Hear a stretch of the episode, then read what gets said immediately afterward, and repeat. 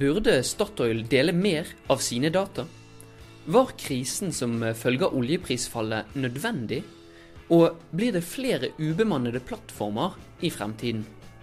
Dette er bare noen av spørsmålene vi diskuterte på scenen under Sysla Live i Bergen i oktober.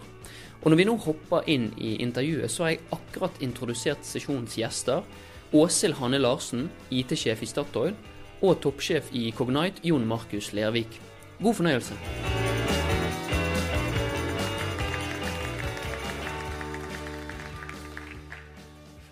Her sitter vi altså med Jeg håper ingen av dere blir eh, fornærmet av det, men en gigant og en mygg i denne sammenhengen. Jeg har lyst til å begynne med deg, eh, Lervik, for du er mannen som Røkke har satset på. I juli så skrev vi i Sysla denne saken. Slik skal han digitalisere sokkelen for Røkke. Intet mindre. Det skjer etter at eh, Kjell Inge Røkkes Aker spyttet 50 millioner kroner inn i Lerviks Cognite. Det er ikke en liten oppgave, dette, Lervik. Er det et ansvar du lever fint med? Eh, det er jo litt sånn skrekkblandet fryd, kanskje. Eh, det, jo, det, legger jo en veldig press på det som vi skal gjøre, eh, på den ene siden. Og eh, en sense of urgency. Men på den annen side så gir det også en veldig trygghet og langsiktighet. Og også kan jeg si, på engelsk excitement eh, rundt det vi skal gjøre også. Så vi ser jo det at eh, for I forhold til eh, rekruttering av topp talent så har det gjort at vi har enda større moment der. For mm. Hvorfor tror du han valgte deg? Eh, nei, Det tror jeg er ganske enkelt. For at han ser at en av de få eh, jeg og det miljøet jeg kommer fra, en av de få i Norge som har greid å lage software i verdensklasse. Eh, innenfor andre områder. Da. Og så er det spørsmålet hvordan man greier å kombinere det med all den teknologien og den kompetansen som er i olje og gass. Mm. Når det gjelder deg, Lars, Du skal få lov å fortelle skattebetalerne hva Statoil skal bruke 1-2 milliarder kroner på digitalisering på, helt konkret. Eh, men før det så har jeg lyst til å spørre deg litt om eh, rollen din som IT-sjef. Du har vært i Statoil i nærmere 25 år nå. Eh, kan Du fortelle, du har ikke alltid sittet like nært konsernledelsen og i en sånn posisjon som du gjør nå.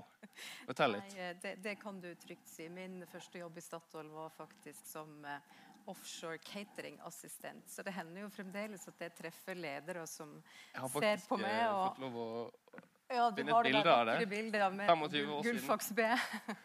i vaskeriet. Men jeg treffer jo enda ledere som kjenner meg igjen og ser litt sånn spørrende på meg og lurer litt på hvor de har meg fra. Og så prøve å hjelpe litt med å si at ja, hvis du lurer på om det er meg som har tømt søppelbøtta di eller lagt håndkle på senga di, så stemmer faktisk det. Riktig.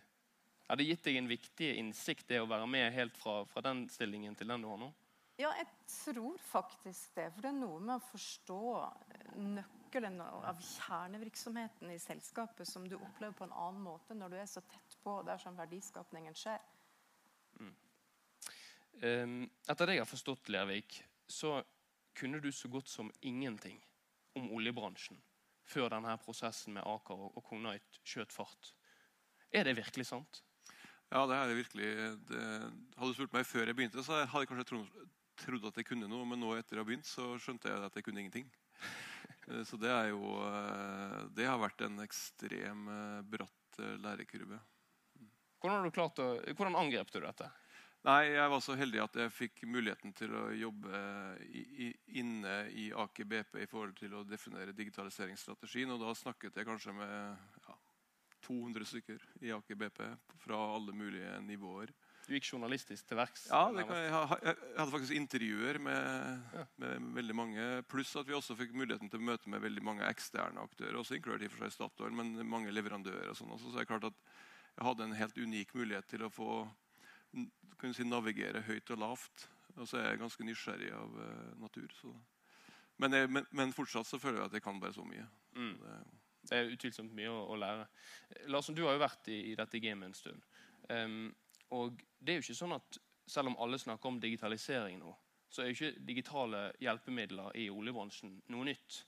Og jeg tenkte, siden du har den erfaringen du har, Kan ikke du gi oss en liten historieleksjon? Hva var det som var digitalt når du begynte i Statoil?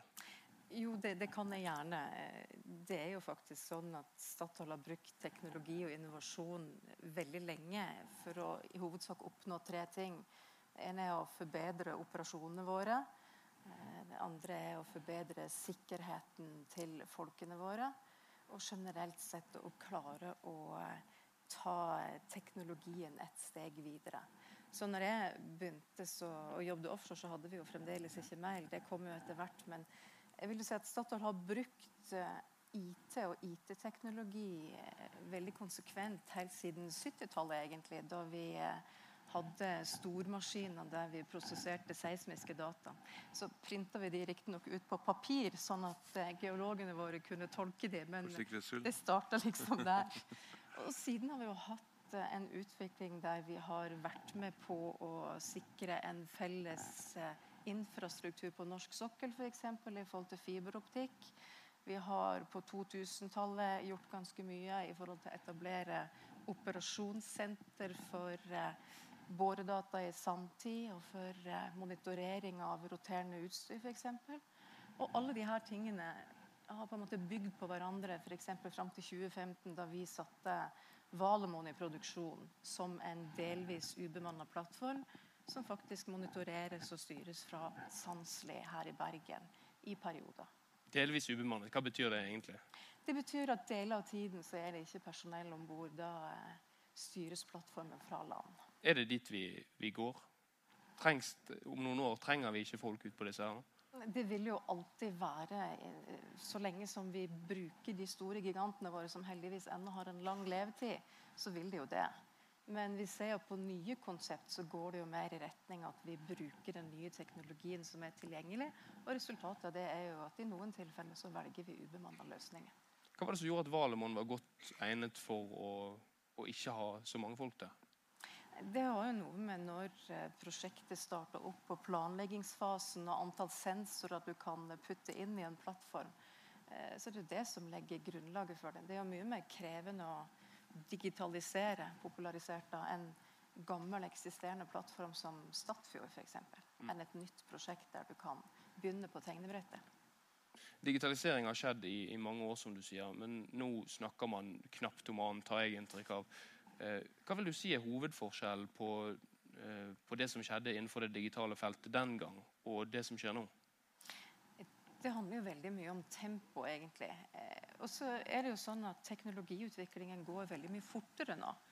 Sånne ting vi drømte om på 50-tallet eller bare for ti år siden, men som ikke var teknisk mulig, det kan vi faktisk gjøre. Og det handler litt både om at prosesseringskapasiteten dobler seg annethvert år, og lagringskapasitet, som tidligere var ganske kostnadskrevende, det blir billigere og billigere og til slutt sannsynligvis gratis. Og Det gjør jo at du har helt nye muligheter i forhold til det du hadde for 10 eller 20 år siden. Som vi var inne på, Lervik, så kommer du utenfra. Eh, og Lervik har en tung teknologisk eh, kompetanse med en rekke velkjente teknologiselskaper bak seg. Både med C-Sense og Fast Search and Transfer. Du har hatt et navn i teknologibransjen, i hvert fall siden tidlig 2000-tall. som jeg har funnet ut i hvert fall. Hvilke tanker gjorde du deg når du kom inn i oljebransjen, og så slik ligger det an teknologisk nå. Hva var din umiddelbare analyse? På en siden så blir man jo ekstremt imponert over veldig mye av teknologien som finnes der. Nå snakker vi ikke om digitaliseringsteknologi, men mekanikk og styringssystemer og veldig mye sånne ting. Ekstremt mye spennende og veldig mye i hvert fall som jeg synes er helt uh, fantastisk. Det var rosen òg, men du så jo også at det var noen forbedringspunkter. Si, og der har vi kommet veldig langt. Men så kommer du til det som jeg eh, som man er ekstremt god der, men så syns jeg kanskje for å være litt uh, direkte at man har vært ekstremt dårlig igjen uh, på det at det er veldig siloorientert. Det er veldig mye små konger og dronninger som sitter og tar avgjørelser innenfor sine uh, deler. De ser ikke sammenhengene. Og da snakker jeg spesielt om, om digital teknologi og software. Mm og koble ting sammen. Det er veldig få liksom, røde tråder gjennom eh, hvordan man opererer. sånn at eh, Der vil jeg si at jeg eh, har vært utrolig overrasket over hvor, eh, hvor eh, dårlig det står til, står til, så tror jeg kanskje det kommer også at det er en veldig sånn prosjektorganisert eller, eller, og prosjektinsentivert leveranseindustri, også, om du vil. Har dere vært for dårlige, Larsen? Hva synes du om det? Kjenner du deg igjen i det? Du er jo veldig streng med oss, da, Jon. Men eh, jeg Nei, men tror det, det er riktig ja. å si at eh, vi har gjort ganske mange eh, digitale prosjekter og initiativ tidligere også. Men jeg synes det er en god observasjon du har i forhold til at det har nok vært altfor fragmentert. Som du ser, det har fokusert på enten å løse et problem eller adressere en mulighet i en spesifikk del av verdikjeden vår, heller enn å ta et totalt perspektiv på tvers. Men det er jo derfor vi har valgt nå å lansere et veikart for digitalisering for Statoil. Sånn at vi skal få den samla muskelkraften bak satsingen vår. Sto det i det du så når du kom inn i oljebransjen, sto det i, i noen kontrast til, til, noen andre bransjer du har kommet inn og sett og, og vurdert hvordan det står til? Altså det er jo åpenbart at eh, si, Innenfor mer konsumentverden så har det jo vært mye bedre integrert. Uh, men det er sikkert også fordi det har vært mye mer press på margin. Hvis du tenker på retail eller hvis du tenker på for bilindustri, flyindustri og sånn, så det har vært helt annet, et helt annet press på, eh, på, marginer over lengre tid. Det, det, har ikke vært nok kriser kanskje i oljebransjen før nå. Er vi tilbake til det at jeg tjener for mye penger for lenge? Jo, jo, men da, det, er klart, det, er klart at, det, er klart, at, Hvis jeg er, er oljeselskap og tjener masse penger, så bryr ikke jeg meg så veldig mye om du skriver mange timer og du bruker masse tid. Mm. Eh, og, og, og, i tillegg når du har litt sånn fragmentert beslutningsmyndighet også, så, eller, så, så, så, så, er hele, så, er hele, systemet satt opp mm. for det. Og da, og da, blir det jo suboptimalisert. Mm. Og med det som, som, som, du sier nå, så har jo Statoil eh, en helt annet eh, strategisk perspektiv på de tingene nå. Og så er spørsmålet hvordan si, både Statoil og industrien generelt greier å faktisk, faktisk eksekvere på det her. Da. For det er jo mm. ikke bare teknologi, men det er jo ledelse, det er kultur, det er mange Eh, det mange aspekter av det. Du skal få lov å, å utbrodere dette veikartet litt mer. Men først så har jeg lyst til at du skal være litt konkret. Eh, kan du fortelle de av oss som ikke vet alle detaljene om de prosjektene Statoil har, kan du gi noen eksempler på områder der digitalisering eller digitale hjelpemidler har endret måten Statoil jobber på? Mm. Det kan jeg godt. Jeg tenker at et av de eksemplene som jeg personlig må innrømme er mest begeistra for, det er det vi har gjort med mixed reality, eller HoloLens. Som, AR, som folk kjenner. Ja. Eh, så det har vært eh, utrolig spennende for oss. Og det som jeg syns er besnærende ved det eksempelet, det er at det er et sånt eksempel som starter med et individ og en teknologi og en idé. ikke et stort business case eller en veldig stor sikkerhet på at dette kan bli noe. Eh, men eh, den kommer til oss, så vi starter. Og det vi ser her, det er faktisk at eh, på Mariner og Johan Sverdrup så bruker vi 3D-modeller som vi jobber sammen om fra ulike lokasjoner i verden. Så det gjør at vi sparer tid og reiser kost. Her er vi på et anlegg der det er planlagt en modifikasjon. og Den grønne boksen dere ser der, er, viser hvordan det skal bli når det blir ferdig. Så vi klarer da faktisk å visualisere både koblinger og andre ting og sjekke at det stemmer før vi faktisk gjør modifikasjon, sånn at vi unngår eh, feil. Er dette mest fordi det skal være kult å være på jobb, eller sparer dere penger på dette også? Dette er jo en herlig kombinasjon av kult og effektivt. Eh, fordi at eh, I et anlegg som eh, dere sikkert kjenner til, så kan det være ganske vanskelig å finne ting. Det er komplekst, det er stort. Men med denne teknologien så kan vi f.eks. fargelegge rør. Vi har en navigasjonskomponent som gjør at hvis du skal finne en bestemt komponent i anlegget, så klarer du det på ganske kort tid. Vi testa dette på Mariner i Korea. Sendte folk ut for å finne et stort rørsystem. Og når vi gjorde det på gamlemåten, så tok det en time. Med denne teknologien så klarte vi å gjøre det på 3 15 minutter. Så det er bare ett eksempel på at det, det går an å gjøre det mer effektivt. Ut å være sant. Det er helt sant. Hvor lenge har dere brukt det eh, sånn, i, i, test? Eh? Vi har testa nå i ca. 18 måneder. Mm. Og vi ser jo nå at vi, vi mener jo sjøl at vi er kanskje noen av de som har kommet lengst på denne teknologien i et sånt industrielt perspektiv. Vi begynner å se veldig god effekt av det. Både effektivitetsmessig og i forhold til kost også, på reisekost. Men HMS òg. Ja, men Har HR-avdelingen deres sett en økning i antall ulykker der folk krasjer i en stolpe? eller noe sånt? Nei, vi har ingen eh, statistikk på det ennå, i alle fall. For vi har nok ikke rulla det fullt så bredt ut at uh, vi har fått eh, VR-krasj i korridorene. Det har vi ikke. Men jeg husker, det, Lervik, som vi skal komme litt inn på senere, så eh, intervjuet Jon Markus Lervik i en podkast som vi sysla teknologi laget eh, i sommer. Og da, da, var du inne på dette med A-briller, da jeg ba deg gi deg noen eksempler på, på, hva dere har jobbet med. Har dere kommet så langt? Blir du misunnelig av dette? Ja, Det, det er kjempeimponerende, det, det, det Statoil gjør på, eh, med HoloLens. Eh, det som, eh, det som, er veldig viktig for å lykkes med det, er å kunne greie som, som Statoil jobber med, også det å kunne koble datakildene sammen. Du må ha sensordata, du må ha, ha 3D-modellene, du må ha utstyrshierarkiet, du må ha vedlikeholdslogger, du må ha feilmeldinger. Alt koblet sammen i en, en, si, en dataplattform. Da. Eh, for, og, og, så må man være i stand til å kunne, når man ser på noe, enten gjennom en HoloLens, gjennom en Google Glass eller gjennom en tablet eller en mobil, så må man være i stand til å identifisere også hva man ser. Eh, og, der, eh, og, der, er det jo fortsatt ingen som har eh, greid å løse det eh, perfekt uten at man har type tagger og den type ting som, som, som dere bruker. Altså, den, del av de tingene vi jobber med, er jo det å kunne helt automagisk eh, bare ved å se på noe. Eh, forstå hva det er uten å ha noen form for fysiske tagger. Da. Hvordan går det arbeidet? da? Eh, det er jo nok noe som kommer til å ta lang tid enda. Så det vil fort ta et år eller, eller så også, tror jeg. er det lang tid i den sammenhengen? Det er lang tid i den sammenhengen her. Det går fort, altså. Ja, ja. Jeg nevnte innledningsvis dette med 1-2 milliarder Larsen. Det var på en måte det som Statoil gikk ut med da det i mai ble kjent at digitalisering er et solid eh, det er et viktig steg for ellers Sætre. Man er veldig opptatt av dette. Hva skal dere bruke de pengene på?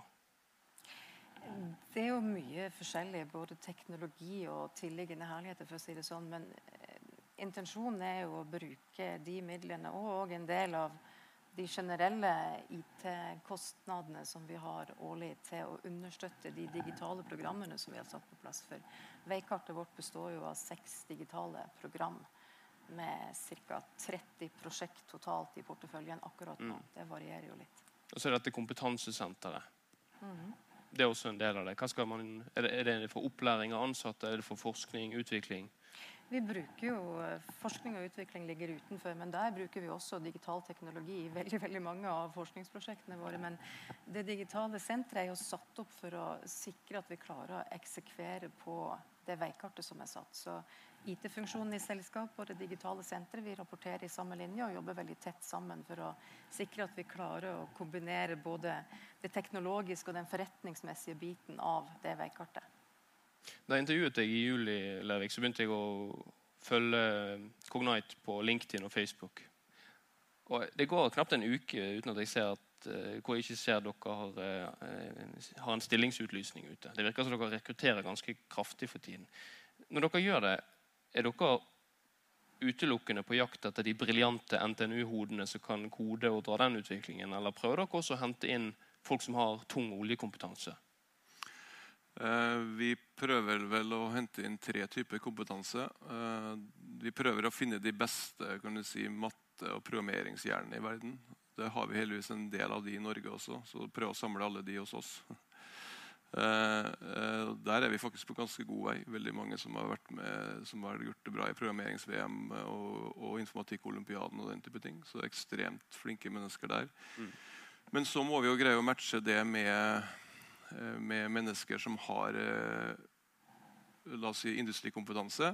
Men der tenker vi også det at eh, ved å finne gode allianser og partnere og jobbe veldig tett med de, så kan man kanskje lære vel så mye som å bare å rekruttere folk inn hos seg selv. og så er vi også ute etter folk som er ekstremt gode på det med si, å få tatt teknologi i bruk også. ute det som kan kalles change management eller altså, kan kalle det digitalisering akkurat nå. Da. Men altså det å, å faktisk eh, sørge for at teknologi, eh, man forstår verdien av teknologi, får det tatt i bruk. Og alle tingene som Statoil også, også, jobber med, jo veldig mye det å endre kultur. og Mm. Og, og, endre hvordan man jobber. Så Prøve å kombinere som sagt, de skarpeste hjernene i verden i forhold til matte og, og, programmering med folk som er veldig flinke til å faktisk få det i bruk. Da. Og Hvis vi greier det, så, så tror vi vi kommer til å kunne ha en big impact. Mm. Uh, Hvor lett er det å finne de, de folkene du snakker om? Det, høres ikke ut som det er så veldig tett mellom de, kanskje? Nei, det er ikke det. Men, men, igjen, når du først har fått noen, da, så blir jo de litt som, som magneter på det, det, ser vi også. Vi får jo mer og mer flere, flere som kommer inn fordi det er en som kjenner en. og Så det, det, gjør at vi har en et, Ballen ruller, rett og slett? Ja, det er utrolig morsomt å jobbe med unge. De to siste vi ansatte nå, var 1-22 år. Begge har vært i toppen i prøvemærings-VM. Og de liksom bare merker hvordan jeg som en gammel mann bare jeg, jeg lærer jo av de hver dag. Mm. Veldig mye. Utrolig kult. Ja. Larsen, Lervik representerer noe som eh, jeg som næringslivsjournalist ser mer og mer av, har jeg inntrykk av, i, i næringslivet. Nemlig eh, små, primært teknologidrevne selskaper som kommer inn og, og, på sett og vis utfordrer de tunge, tradisjonelle selskapene på sin egen hjemmebane, så å si. Dette skal vi også se litt på i vår neste sesjon om de nye digitalsjefene. Så bli gjerne med oss etter pausen også. Eh, men jeg lurer på, ser du på Lervik og Cognite som en ren konkurrent?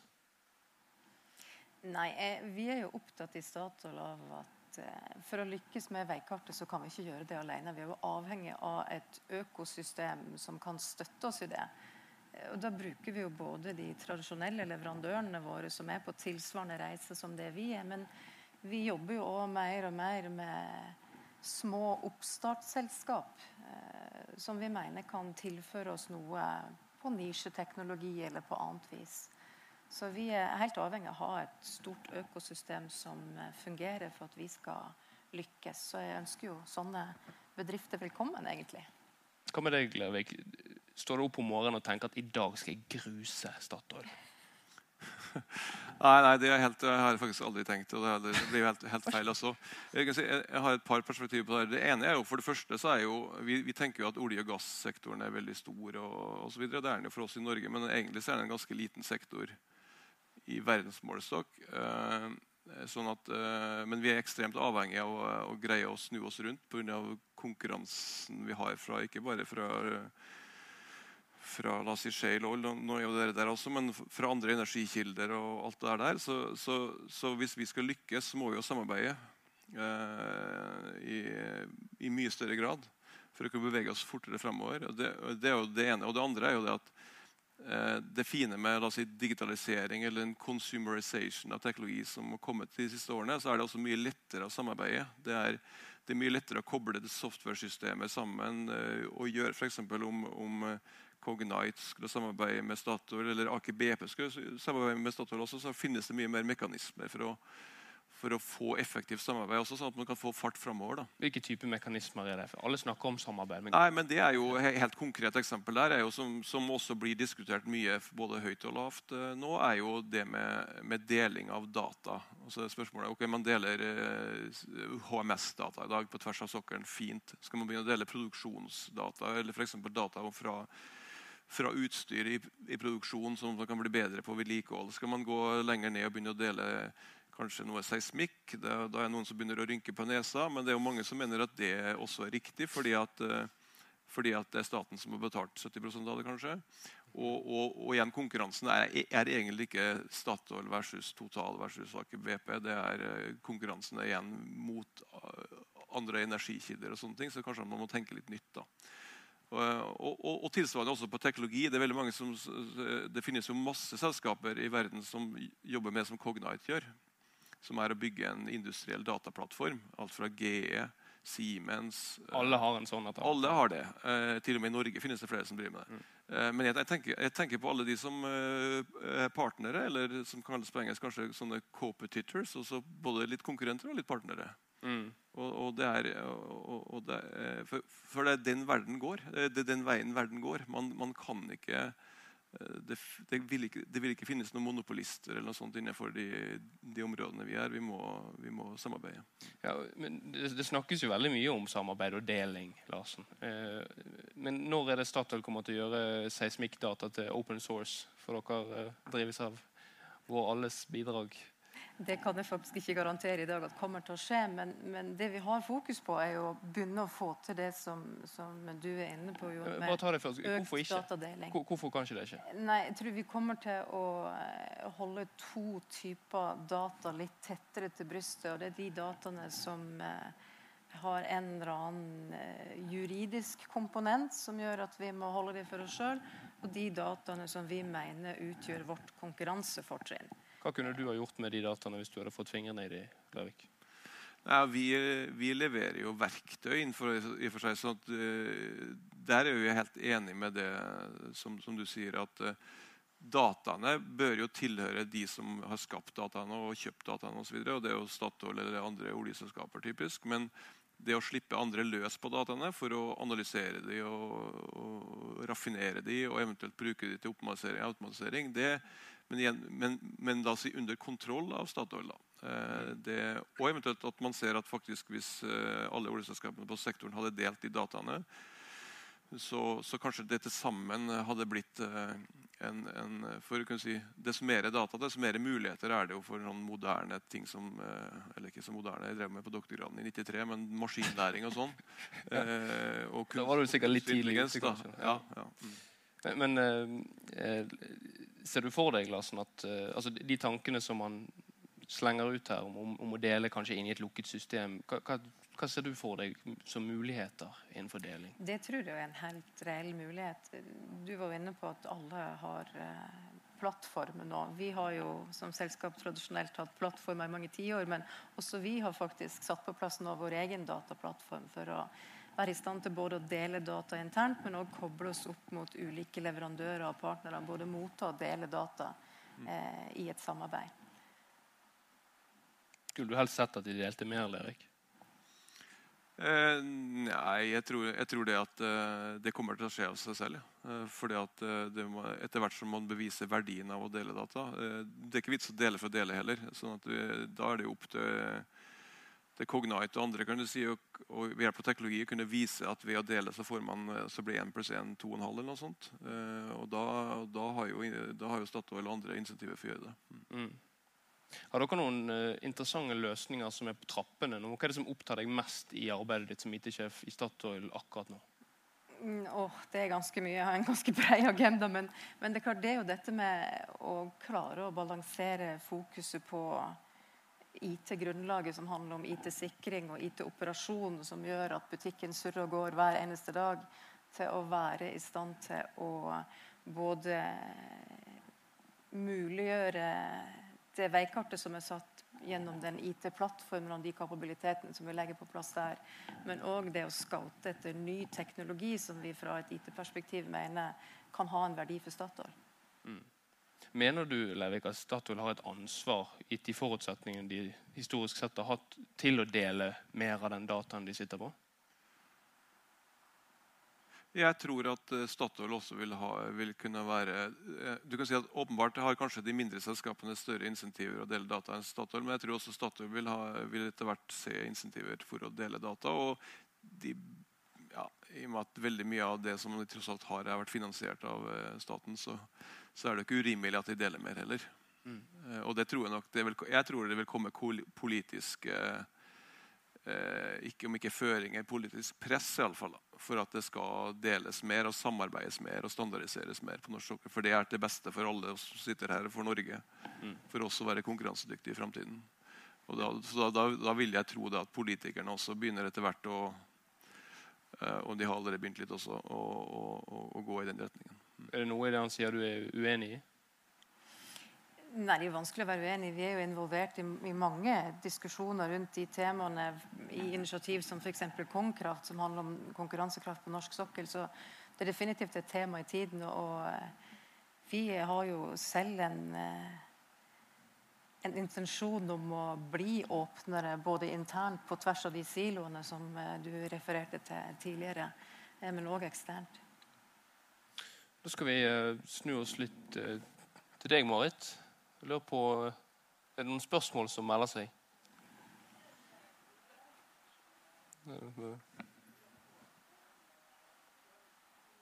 Jeg tror eh, mikrofonen din ikke er på der. Er det greit å høre hva hun sier, eller skal vi Hører dere meg? Ja, jeg kommer på. Nydelig. Eh, nei, vi, vi, har fått et veldig godt spørsmål fra en rogalending eh, her i salen. Han eh, spør om konjunktursvingningen som har prega bransjen så kolossalt, eh, ikke minst eh, de siste årene. Hva har det å si for eh, fokuset på digitalisering? Og, og, og i forlengelsen ut av det om, det om det, kan uh, Hvis man setter økt fokus på digitalisering, kan det gjøre bransjen mer robust? Det kan jo kanskje du få svare på først, Larsen. Ja, det, det, er et kjempegodt spørsmål. og Svaret på det fra mitt perspektiv er definitivt ja. Vi var litt inne på det i diskusjonen tidligere òg, at uh, når oljeprisen er 110, så, så, fokuserer du kanskje mer på å ha produktiviteten oppe enn hvordan du kan endre prosessene dine. Så når du er i en konjunktursvingning, så får du en annen type mulighet og insentiv til å gjøre ting raskere. Så jeg tror det har eh, betydd en god del faktisk for bransjen sin satsing på dette. Jeg tror, jeg tror vi skal prise oss lykkelig eh, om noen år, selv om det har vært mye åpenbart trøbbel for mange bedrifter og mange personer, så tror jeg at vi som nasjon skal prise oss lykkelig over at den kom. For det, det tvinger oss til å gjøre ting som man eh, ellers burde gjort uansett. Vi trengte det sparket. rett og slett. Ja, ikke tvil om det. Sånn, men sånn er det. kan du se på mange bransjer. På, ja, på alt fra oss som mennesker til, bran, til, bedrifter og bransjer. Man trenger noen kriser for å ta de grepene man uh, må gjøre. For, for, for, ellers så blir vi for bedagelige og late og mm. gidder ikke gjøre det. Mm. Vi rekker kanskje ett til, eh, Marit, hvis det var noe mer der. Ja, eh, hvis vi kan bruke et sånt uttrykk som tradisjonell oljeteknologi, eh, så har jo det vært et sånn enestående eksporteventyr. Det har gått fra null til 200 milliarder på topp eh, på 15 eh, år omtrent. Finnes det sånne muligheter også for den teknologien som utvikles nå? Jeg svarer på det. Mm. Svaret er jo ja. Og, for, og, og, forklaringen på Eller et eksempel på det for eksempel er jo det Nå har jo nå, nå, finnes det jo veldig mye teknologi man kan kjøpe. For så bruker jo Statoil milliarder på SAP, og, på, og, de bruker masse penger på datavarehus og den type ting. SAP, det, SAP det, er et, det et ERP-system. Det er verdens største selskap innenfor si, virksomhetsstyring. Det, det, er en av de største kundene i verden av, eh, av de. Eh, men når man kommer inn på det som vi snakker om her, faktisk det å digitalisere en oljeplattform, det å kombinere sensordata, sensorrata, operasjonelle data, 3D-modeller og sånn i sann tid, Um, som blir mer en, si, en moderne, et moderne operasjonelt datavarehus eller operasjonell dataplattform, så finnes det ingen som har greid å løse det. Det er jo, er derfor Statoil driver og koker munker og bygger det selv. Fordi at ikke, for hadde det funtes et, var ja, nei, det var, jo, det, var, det var, bare for å erte deg litt. Men, men, men, jo, men, jeg mener det litt, litt, seriøst også. For det er veldig mange selskaper som driver og koker med det om dagen. For det finnes ikke noen produkter der. Og jeg tenker at uh, En av ambisjonene til, til oss for Cognite er jo det å bli en av de ledende uh, produktleverandørene av en sånn løsning. Uh, sånn at om, Som er noe vi ønsker å eksportere og ta ut både i, olje- og gassindustrien, men også i andre industrier. Og jeg tenker at hvis, hvis, vi greier å løse det for olje og gass, som er kanskje en av de mer krevende industriene, sånn teknisk sett, i forhold til kompleksitet på utstyr, mengden sensorer og alle sånne ting, så har man et, en, et teknologi og et produkt som er veldig robust også ute i verden. Mm. Før jeg slipper dere, så har jeg lyst til å gå litt tilbake til den podkasten vi uh, spilte inn med deg i juli, Levik. For da, um, da sa han noe til meg. Bare hør på det her. Når leverer Cognite den første tjenesten eller produktet som er så revolusjonerende at lytterne våre kan lese om den på sysla.no? Det er jo et uh, veldig godt spørsmål. Vi har jo en eier som er veldig opptatt av at vi skal levere det veldig raskt. Jeg vil være ja, Vi må greie å levere noe før jul før jeg kommer til spørsmålet, så må jeg bare fortelle dere at det lydklippet med svaret hans det er klippet ned 40 sekunder. For han drar så lenge på det før han bestemmer seg for at han sier før jul. Så da sa du det. Eh, og jeg har, jeg har kjøpt min første julegave allerede. Så jeg lurer på eh, hvordan du ligger an, for det nærmer seg nå. Gjør det. Uh, vi, har det vi har det som mål fortsatt. Og vi, vårt, eh, vårt uh, teknologiteam mener at vi er on track. Så får vi se. Vi kan, vi kan, ta et juleintervju eller et førjul... ja, det, eller, eller, en førjulsdemo burde vi jo heller ta. Ja. Eh, à la det eh, ja. Yes. Ta gjerne en besøk til dere. Jeg. Det, det, det har vært veldig fint. Jeg antar du kommer til å følge med på dette, Larsen? Vi følger jo med på alt mulig av ny, spennende teknologi. Vi er jo opptatt av at det digitale veikartet og arbeidet vi gjør, eh, hjelper oss i forhold til sikkerhet og sikring, som er vår første prioritet, men òg både på å gjøre driften vår mer effektiv, men kanskje aller mest øke inntjeningen vår. Eh, så er det bare spørsmål om eh, vi klarer å ta ut verdien av teknologien. Eh, og for å gjøre det så kreves det en del både på kompetanse, lederskap og kultur. Men jeg mener jo at vi som selskap er godt posisjonert til å klare det. Vi skal følge med på det. Det blir siste ord i, i denne omgang. Gi en stor applaus til Åshild Hanne Larsen fra Statoil og Jon Markus Lervik fra Cognite. Takk for oss. Dette var et opptak av Sysla Live som vi arrangerte i Bergen i oktober. Hvis du kjenner noen som eh, kunne hatt interesse av å høre på Sysla-teknologi, så blir jeg veldig glad hvis du deler ordet med den eller de du tenker på. Akkurat nå nærmer vi oss 10 000 avlyttinger i denne relativt ferske podkasten, så det hadde vært utrolig gøy hvis vi klarte å nå det målet før jul. Takk for hjelpen, og ha en strålende dag.